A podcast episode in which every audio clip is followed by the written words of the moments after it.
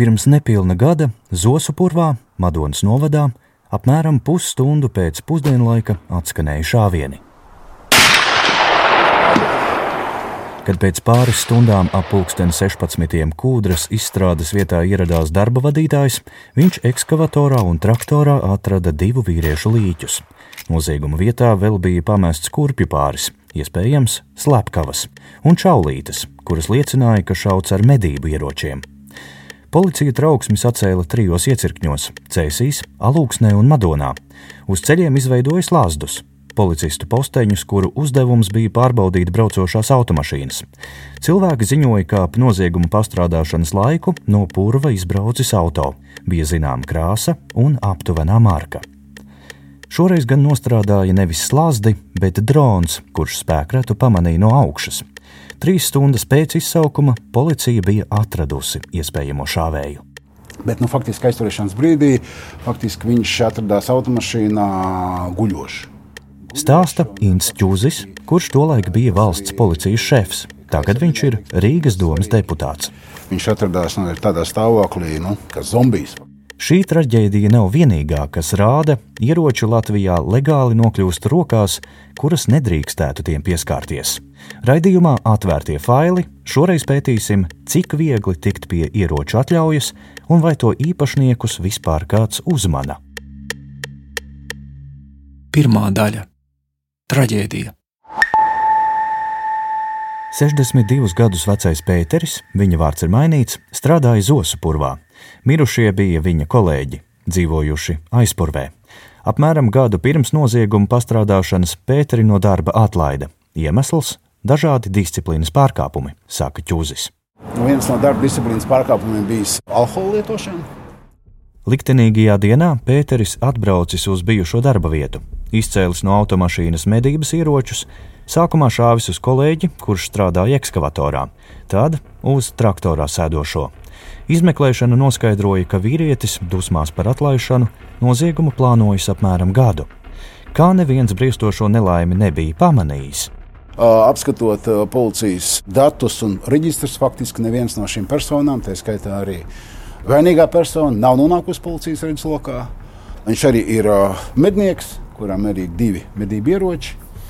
Bet uh, jau pēc pirmajām stundām, faktiski arī vispār, uh, saņemot informāciju par šo personu un arī sākot jau izmeklēšanu, mēs redzam, ka viņam bija ilgstošas problēmas ar alkoholu. To, ka likumīgo ieroču īpašnieks sirgst ar atkarību, policija uzzināja tikai pēc nozieguma. Arī aizturēšanas brīdī vīrietis bija reibumā. Analīzes uzrādīja vairāk nekā 3 promilus. Čūzis gan saka, nav zināms, vai vīrietis šāvis reibumā vai dzēris jau pēc pastrādātā. Automašīnā policisti atrada abus šāvēju ieročus - medību karabīni un bisi. Ne ģimene, ne mednieku klubs nebija ziņojuši, ka ieroču īpašnieks ir alkoholiķis. Aivars Stradiņš vada mednieku klubu, kura biedrs vismaz desmit gadus bija arī šāvējs. Gājuši kopā dzinēju medībās. Stradiņš apgalvo, ka par alkohola problēmām nav zinājis nāca skaidrā, un, un ja viņš tur mājās kaut ko arī kādreiz lietoja, es nemāku komentēt, es arī kopā nedzīvoju. Nu, kā jūs pateiksit, kad ir problēmas? Ja cilvēks kādreiz ielieto alkoholu, jūs teiksiet, ka viņam ir problēmas ar šādiem ieročiem. Vai alkoholu arī tāpēc ražo, lai nu, viņu lietotu? Tā mēra sajūta. Nu, neviens nav redzējis viņu nekādos, nekad netika redzējis kaut kur, es nezinu, nu, pārdzērušos vai ko tādu. Tad jau varēsim pievilkt visas pie tā zvana, ka tas, kurš eh, veikalā pērk alkoholu, ir potenciāls slepkava. Stradiņš uzskata, nav nozīmes tam, ka noziegumu pastrādājis ieroču īpašnieks. Tas ir no cilvēka. Nebūtu viņam šaujamierocis, ja viņš bija nobriedis tam. Viņš aiziet, to es nezinu. Nu, nodurtu ar nazi, ja nebūtu nazis, viņš to ar plikām rokām izdarītu. Nu, tas, tas nav atkarīgs no tā. Viņš ar mašīnu uzbrauktu. Nu, ja cilvēks es nezinu, ja viņš ir sajūtis prātā. Likums neliek dzērājiem atņemt nāžus, taču ieroču atļaujas gan. Stradiņš šo jautājumu aicina uzdot ģimenei. Saņemieties dušu un nekaunību un piezvaniet viņa atraitnē. Viņam atraitnē ir daktere, un varbūt viņa kaut ko varēs izstāstīt. Atraitnē vidzemes pusē ir ģimenes ārstes privātprakse. Lai sargātu viņas privātumu, vārdu neminēsim. Saruna ar ārsti ir īsa. Kāpēc ģimene neziņoja par to, ka viņiem iespējams ir problēmas ar atkarību? Nu, ziniet, es, es šajā jautājumā neko tādu īpaši jums nekomentēšu, ja, jo tas man, man ir, ir pašai, e, nu, nu, nav beigusies trauksme un, un, un, un stress sakarā ar šo, tāpēc tas ir ļoti sāpīgi un es neesmu gatava par to runāt pašlaik. Psiholoģiski es esmu ļoti nomākta un atvainojiet lūdzu. Veselības pārbaudi ieroču atļaujas iegūšanai vīrs izgājis Madonā, medicīniskajā komisijā. Ģimenē viss esot bijis kārtībā. Saprotiet, situācijas dzīvē, daudz tādu situāciju un viss, kas gadās. Vairākas reizes atvainojoties, sieviete pārtrauc sarunu. Ja persona būtu nonākusi policijas redzes lokā, viņai simtprocentīgi būtu atņemta šī ieroča atļauja, jo alkoholisko dzērienu lietošana Arī protokola sastādīšana par atrašanos alkohola reibumā ir jau par pamatu šīs atļaujas anulēšanai. Bet jāsaka, diemžēl, ka līdzcilvēki, kas faktiski bija šim cilvēkam, kas zināja šīs viņa problēmas, neziņoja par to. Un, zināmā mērā mēs varam arī secināt to, ka tas ir viens no šiem iemesliem. Es domāju, ja, ja laicīgi būtu policija saņēmusi informāciju, ka šī personai ir problēmas ar alkoholu, jo viņi bija, kā mēs redzam, iekodējusies, atkodējusies faktiski visas šīs lietas. Es domāju, ka viņam nebūtu arī šis nozieguma izdarīšanas rīks, kas ir ierocis. Tātad vīrietis bija devies pie mediķiem, lai kodētos, jeb izārstētos no atkarības. Arī šādas ziņas policija no ārstiem nesaņēma. Likums šādos gadījumos liek mediķiem ziņot par ieroču īpašniekiem. Veselības ministrijā skaidro, ka atbilstoši ministru kabineta noteikumiem, narkologam vai psihiatram speciālā datubāzē ir jāreģistrē pacients, kurš atnācis ārstēt atkarību vai psihisku saslimšanu.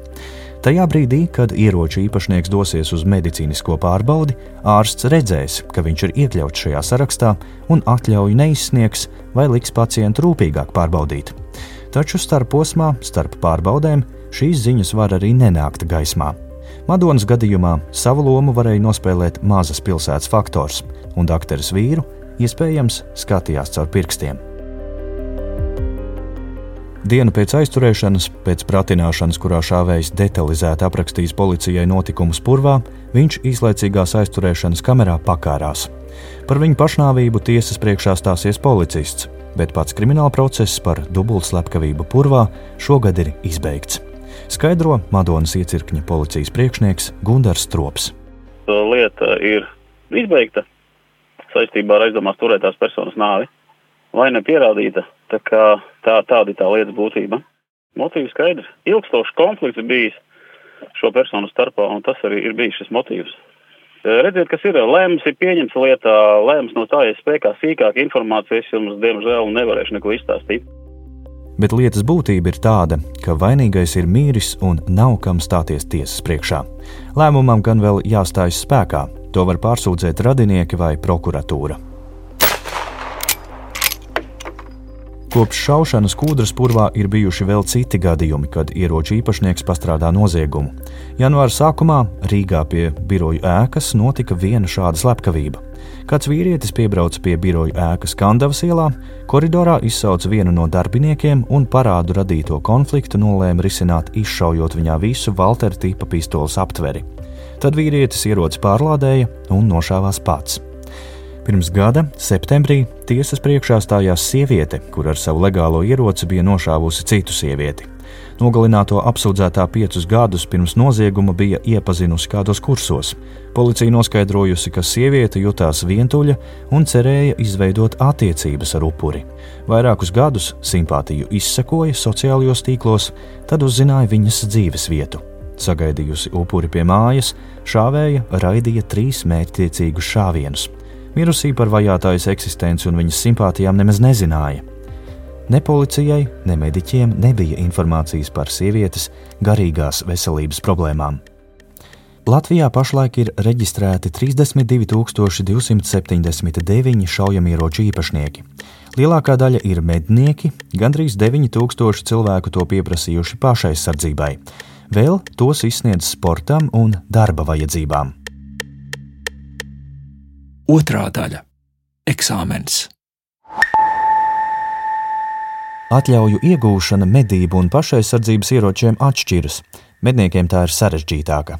Sākumā meža dienestā jāsaņem mednieka apliecība. Viņi meža dienestā kārto eksāmenu arī praktiskajā šaušanā ar vītraņstobra ieročiem. Jāizpild vēl vairākas prasības. Stāsta Arnis Čurkste, valsts policijas Rīgas reģiona pārvaldes atļauju sistēmas nodaļas priekšnieks. Jābūt pirmās palīdzības kursiem izietiem, attiecīgi medicīnas komisija, jābūt deklarētai dzīvesvietai, jāiekārto glabāšanas vieta, tātad attiecīgi seifs vai nu, skāpis vai kas atbilst. Un tad vēršties ar iesniegumu, norādot, ko jūs vēlaties iegādāties, kādu ieroci. Bet, ja gribi pašaizsardzībai, Tad ir jānokārto eksāmens, ieroču kvalifikācijas, un tad attiecīgi atkal visi pārējie dokumenti. Eksāmenu ieroču kārotājiem pašaizsardzības nolūkos pieņem valsts policija. Principā ir jāzina ieroču aprites likums. Eksāmenā jāatbild uz apmēram 45 jautājumiem, piemēram, jāzina šaujamieroču izmantošanas un pielietošanas kārtība un nosacījumi. Jāzina, kā pareizi ieroci un munīciju glabāt, kādos gadījumos ieroču pielietošana atbrīvo no krimināla atbildības. Un praktiskā daļa izjaukt, tas ir vai nu izjaukt salikt ieroci, nepilnu izjaukšanu, salikšanu, vai attiecīgi otrā variantā tur ir sagatavošana šaušanai un izlādēšana. bet man nav jāšai, nav jārāda, ka es Nē, protams, tie mācību ieroči. Tie nav kaujas ieroči, tie maketi, nu, mācību. Tātad katra paša ziņā ir iemācīties šaut pirms ierocis ir iegūts. braukšu, bet man tā kā neprasa likums iziet nezinu cik stundas, iemācīties šaut, un, nu, ka Nē. tad sanāk, kad es tavu Jūs- tad, tad es mācos šaut. Nē, jūs uh, eksāmenu kārtojot, to jau redzat, vai jūs esat apgūlis, mākat rīkoties ar ieroci vai nē. Vai pārzinat, kad pielietot, kādos gadījumos drīkst vispār tā tālāk. Bet tas pašam jāapgūst. Proti, pietiek ar to, ka pretendents zina, ka, piemēram, pirmais šāviens ir jāizdara gaisā. Tas ir brīdinājuma šāviens. To, cik eksāmens ir grūts, policists neņemas spriest. Tas ir atkarīgs no katra kārtotāja individuāli. Kad interesējamies par eksāmenu, tad policijā saka, ka tā nav pastaiga parkā. Taču nav jābūt īpašam iemeslam, lai dotos ieroču atļauju kārtot. Policijā stāsta, ka mūsdienās populārs ir šaušanas sports, bet arī pašaizsardzībai cilvēki izvēlas ieroci. Vai jābūt iemeslam, kāpēc? Vai es vienkārši gribu? Es vienkārši gribu. Nē, nu tā gluži nav. Nu, īpašas prasības nav. Tas nav nekur noteikts.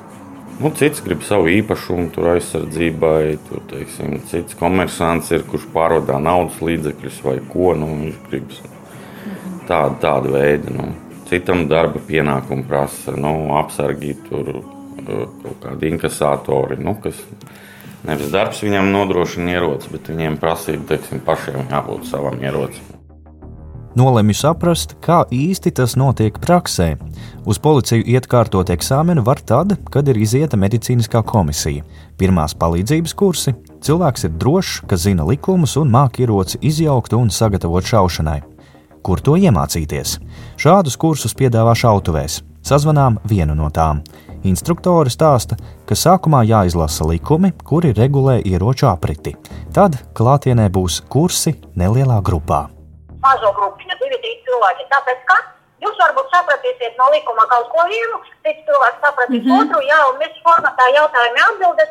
Mēs skrienam cauri visai programmai, un kas mums skaidrs, ka jā, ar vienu tikšanos nepietiks, jo gadās, kā arī vairāk cilvēku ir nodarboties, padarboties, jā, varbūt strādāt par to tēmu zem. Tiekamies vairākas reizes, tā kā, Un tas viss ir par 130 eiro. jā, jā, jā. Kursos iedod video, kur var apskatīt arī to, kā ar ieroci darboties. Taču notiek arī nodarbības šautuvē. Policijā eksāmens jākārto ar Gloka vai Makarova tipa ieroču maketu. Šos pašus ieročus izmantos arī apmācībā šautuvē. Tikai jāpārskaita nauda un jāatsūta sava e-pasta adrese, kur pēc naudas saņemšanas atnāks mācību materiāls, likumi un video. Par ieroču atļauju izsniegšanu atbildīgais čurks te stāsta, ka policija pārbauda, vai ieroču atļaujas kārotājs nav iepriekš tiesāts, vai arī nav kādi citi apstākļi, kas par viņu zinām drošības iestādēm un liektu nesāt un glabāt šaujamieroci. Ne, protams, mēs veicam personu pārbaudas, atcīm drošības iestādēs un tā tālāk. Kad policija atļauju izsniegusi, tā ieroča īpašnieku arī uzmana, vismaz uz papīra. Vēl pirms atļaujas izsniegšanas pārbauda, vai mājoklis ir attiecīgi iekārtots. Nu, Pirmreizējās, protams, ka teritorija iecirkņa inspektori teiksim, jā, sazvanās vai ierasties. Protams, mē, bet mēs varam veikt arī jā, negaidīt. Bet tur jābūt kaut kāda indikācija, vai jūs vienkārši izdomājat? Nu, tas ir attiecīgi katrs gadījums jāskatās. Ne, to es jums nevarēšu atklāt. Likums saka, ka vismaz vienu reizi gadā ieroču īpašnieks policistiem ir jāapmeklē. Bet ņemot vērā lielo skaitu, tas fiziski nav iespējams praktiski visos gadījumos. Tad arī nu, iznāk retāk. Pārsvarā jau cenšos. Protams, monitorings iet nepārtraukti. Automātiski tiek saņemta informācija. Ja personas izdara kādus pārkāpumus, tad mēs saņemam par visiem informāciju. Attiecīgi, ja iestājas kādi ierobežojumi, tad tiek anulētas vai apturēta darbība. Piemēram, dienā, kad dodamies uz policiju, pie tās durvīm satiekam bijušo ģenerālprokuroru Ēriku Kalmējeru. Viņš ieradies Gaujas ielā 15, nodot savus ieročus. Kalmējers ir mednieks, kurš īsi pēc amata atstāšanas kļuva par aizdomās turēto krimināla procesā. Tāpēc viņam līdz procesa atrisinājumam ieroči jānodod policijā. Žurnāla Medības galvenā redaktore Linda Dombrovska medību apliecību nokārtoja pirms vairāk nekā 20 gadiem. Viņa zina stāstīt, ka Latvijā ieroču aprite ir stingrāka nekā citās Eiropas valstīs. Kad pirms laika stājās spēkā jauna Eiropas Savienības direktīva, kura paģērē veselības pārbaudas ieroču īpašniekiem, poļi bijuši šokā. Viņi uzskatīja, ka tā ir pārlieku liela iejaukšanās privātajā dzīvē. Latvijā medicīniskā komisija ieroču iegūšanai ir bijusi vienmēr. Ja man jau ir viens ierocis, ja es vēlos iegādāties vēl vienu, tad man ir jāiet vispirms uz policiju, jāraksta iesniegums, jāsamaksā valsts nodeva, viņi veic pārbaudi, inspektors nāk uz mājām, pārbauda kārtējo reizi, Katru gadu tas tiek pārbaudīts, vai mans seifs joprojām ir tikpat biezām sieniņām un atrodas joprojām pieskrūvēts. Tad man ir vēlreiz jāiet uz policiju, saņemt šo atļauju, aizbraucu uz veikalu, iegādājos ieroci, un ar šo ieroci braucu vēlreiz trešo reizi uz valsts policiju. Nu, tas process, man liekas, ir mazliet pa garu. Lietuvā atļauju vēl vienam ierocim varot saņemt elektroniski. Mums nosacījumi ir stingri, uzskata medniece. Seifam jābūt pieskrūvētam un noslēptam, tā lai nekrīt acīs. Tā atslēgas var glabāties tikai pie ieroča īpašnieka. Ja policists pārbaudē pajautās mājiniekiem, kur ir seifa atslēgas, un tās iedos sieva, māte vai kāds cits, būs sots, saka Dombrovska. Nu, tās pārbaudas notiek patiesībā pietiekami bieži. Par policijas viesošanos saka medniece. Trešā daļa - veselības pārbaude. Vēl viena pārbaude, kas jāiziet, ir medicīniskā. Tajā pārbauda redzi, dzirdi, refleksus, noskaidro, vai cilvēkam nav kādu atkarību, saslimšanu, kas liektu darboties ar ieroci. Piemēram, cukura diabetes ir viena no kaitēm, kuras dēļ var liekt ieroču atļauju. Veselības ministrijas ārstniecības kvalitātes nodaļas vadītāja Sanita Janka skaidro. Piemēram, pacientam var nu, sākties uh, kad ir zemes cukura līmenis asinīs, hipoglikēmija, tad, teiksim, nu, šiem pacientiem parādās tādi psihiski traucējumi, viņi var kļūst, teiksim, dezorientēti. Tā var būt, teiksim, arī kaut kāda medikamentu lietošana. Tas var būt ha, augsts asinsspiediens. Jautājam par medicīnisko pārbaudi. Nu, bet, principā, viņi ir stingrāka nekā autovadītājiem. Viņa ir stingrāka, jā. Mūsu žurnāliste piesakās iziet medicīnas komisiju. To tagad var izdarīt vienu vietu Veselības centrā 4. Sveicināt, Ludien! Man interesē medicīniskā komisija ieroča nesāšanas atļaujas saņemšanai. Mhm. Tuvākais pieraksts mums ir pieejams 11. augusts, pašlaik uz to momentiņu. 11. augusts. Un sekiet, lūdzu, cik tas maksā? Tā komisija sanāk 40 eiro viņa maksā. Uh -huh. Un tur vēl līdzi jums jābūt ar divām fotografijām, 364 formāta, ja? Ok. Un tad tur arī vis, visa Jā. komisija, ieskaitot psihiatrus Visas vietas, visu. jā, visas vietas, jā, tur ir pieejams, jā, tad, Cik apmēram ilgu laiku tas aizņem? nu, tur ir līdz vienai stundai. Praksē tas aizņem ilgāku laiku. Veselības centrā četri cilvēku ir daudz, lielākā daļa kārto autovadītāju medicīnisko izziņu. Reģistratūrā iedod trīs testus. Viens ir par alkohola lietošanas paradumiem, otrs - psihisko veselību, vēl viens par citām saslimšanām. Testi kaut kur jāizpilda. Cik bieži vienā laikā esat kontaktējies? Es teicu, ka nespēju pārtraukt dzeršanu. Nu, nekad. Jautājumi ir dažādi. Piemēram, cik bieži pēdējā gada laikā nav varēts pārtraukt dzeršanu vai bijusi nepieciešamība no rīta salāpīties. Psihisko traucējumu identifikācijas testā jāatbild, cik bieži zūd izpratne par atrašanās vietu, laiku un telpu, vai dusmās rīkojas agresīvi un bijis pašnāvības mēģinājums, un tam līdzīgi. Savukārt veselības pārbaudas kartē jāatzīmē, vai ir kādas saslimšanas, piemēram, epilepsija. Tad ar aizpildītajiem testiem jādodas stāvēt rindā pie ārstiem. Pirmais ir psihiatrs narkologs. Ārsts paņem aizpildītās lapiņas. Ierodas kādām vajadzībām, Pašais atdzīvē. ir no kā aizsargāties. Nu, es vienu pat dzīvoju. Nu, ir daudz dzīvoju paši. Tas kā patroni, Man darbs tāds, visiem ir ka tāds. mājas būs gadījumi kaut kādi nepatīkami. Jūs iesiet uz darbu ar pistoli, Nē, uz darba pistoles neiešu. Uz jautājumu, cik bieži ir pārliecība, ka piemīt neparastas spējas vai liela vara, žurnāliste intereses pēc atbildējusi, ka vienu reizi mēnesī vai retāk. Psihiatrs pārjautā, kas ar to domāts. Atbildi, ka ar to domātas darba spējas, nevis prasme pārvietot priekšmetus, psihiatru apmierina, un ar to mūsu saruna beidzas.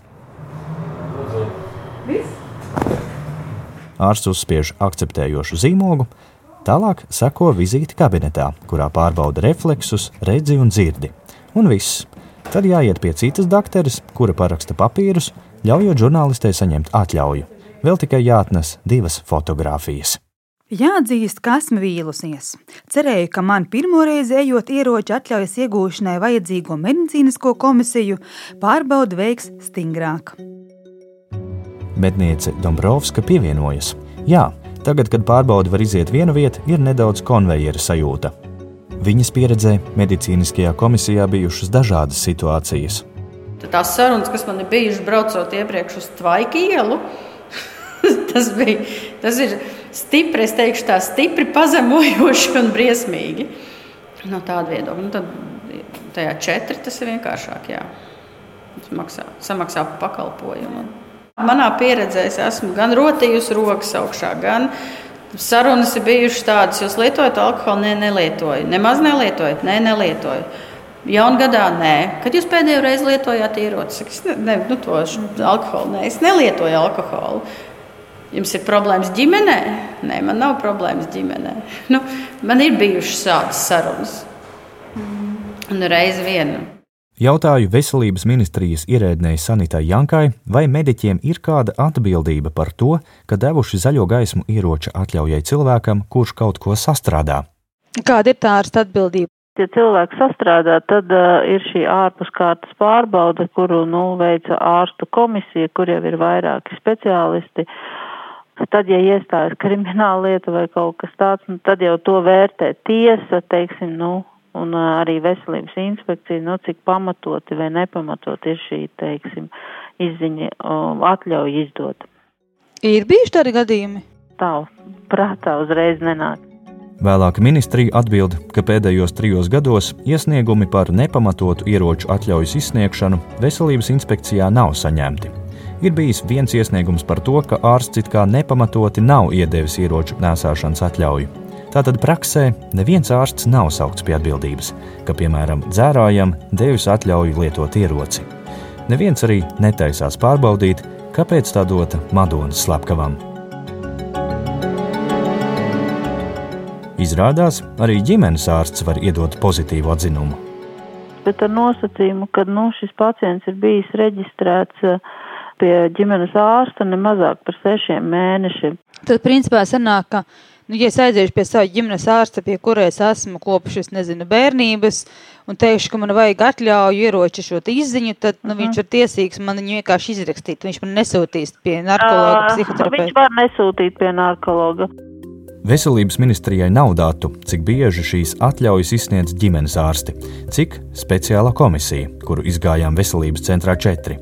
Veselības pārbaude ir maksas pakalpojums, līdz ar to ministrijai nav arī informācijas, cik bieži ir gadījumi, kad mediķi liedz tikt pie ieroča. Policijā par ieroču izsniegšanu atbildīgais čurkste neņemas spriest par to, cik nopietni pārbaudas veids mediķi. Nav viņa kompetence. Loģiski, ka galvā tomēr cilvēkam nevar ienākt. Nu, kad kaut kas notiek, nu, katru gadu visu laiku kaut kas, kā pa laikam kāds, protams, tur mīlas dēks vai naudas. Vai... Viņš saka, ka policija diezgan regulāri anulē atļaujas. Cik datu nav? Arī policija skatās, kas pie viņiem vēršas pēc atļaujām. Nu, Covid gadījumā nu, teiksim, tur visādi cilvēciņi zvanās. Jā. Ko viņi grib? Ieroci? O, dzirdēju, Grišina kungs pa televizoru teica, ka pieaugs noziedzību. Man vajag pistoli.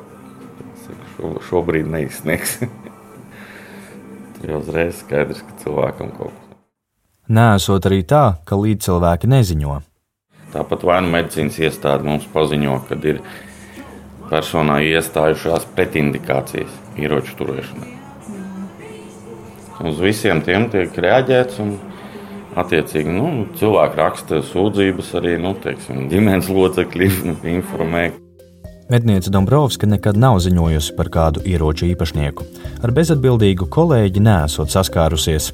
Mednieki zinot, ka vaļības var beigties ar ieroču atņemšanu.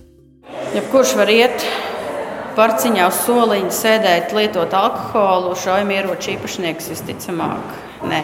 Ja es iedzeru, braucot ar mašīnu, pat tad, ja es nesēžu pie stūres, es esmu dzērus, man šaujami ieroči atrodas aizmugurē. Tas draud ar to, ka to visu atņem, jo tā arī notiek pārbaudas, piemēram, pīļu medību sezonas sākumā pie tām zināmākajām vietām, kaut kādas laivu bāzes, kur zina, ka tie mednieki pulcējās. Vakarā stāv vienkārši policija un pārbauda visus. Gan liek pūst gan šoferim, gan liek pūst tam, kas sēž blakām. Tomēr katram blakus neizstāvēsi. Medniece uzskata, ka šādos traģiskos gadījumos tomēr ir jāprasa atbildība arī no ārstiem. Tam ārstam vajadzētu savā ziņā arī atbildēt par saviem lēmumiem. Ir stulbi vai ir ļoti slikti, ka tā mūsu sistēma līdz galam visus šos gadījumus izķert nevar. Taču arī pēc vairākām traģēdijām aizlāpīt robus sistēmā neviens negrasās. Raidījumu veidoja Zane Mače, Anita Brauna, Reinis Budze un Matīs Budovskis. Atvērtie faili!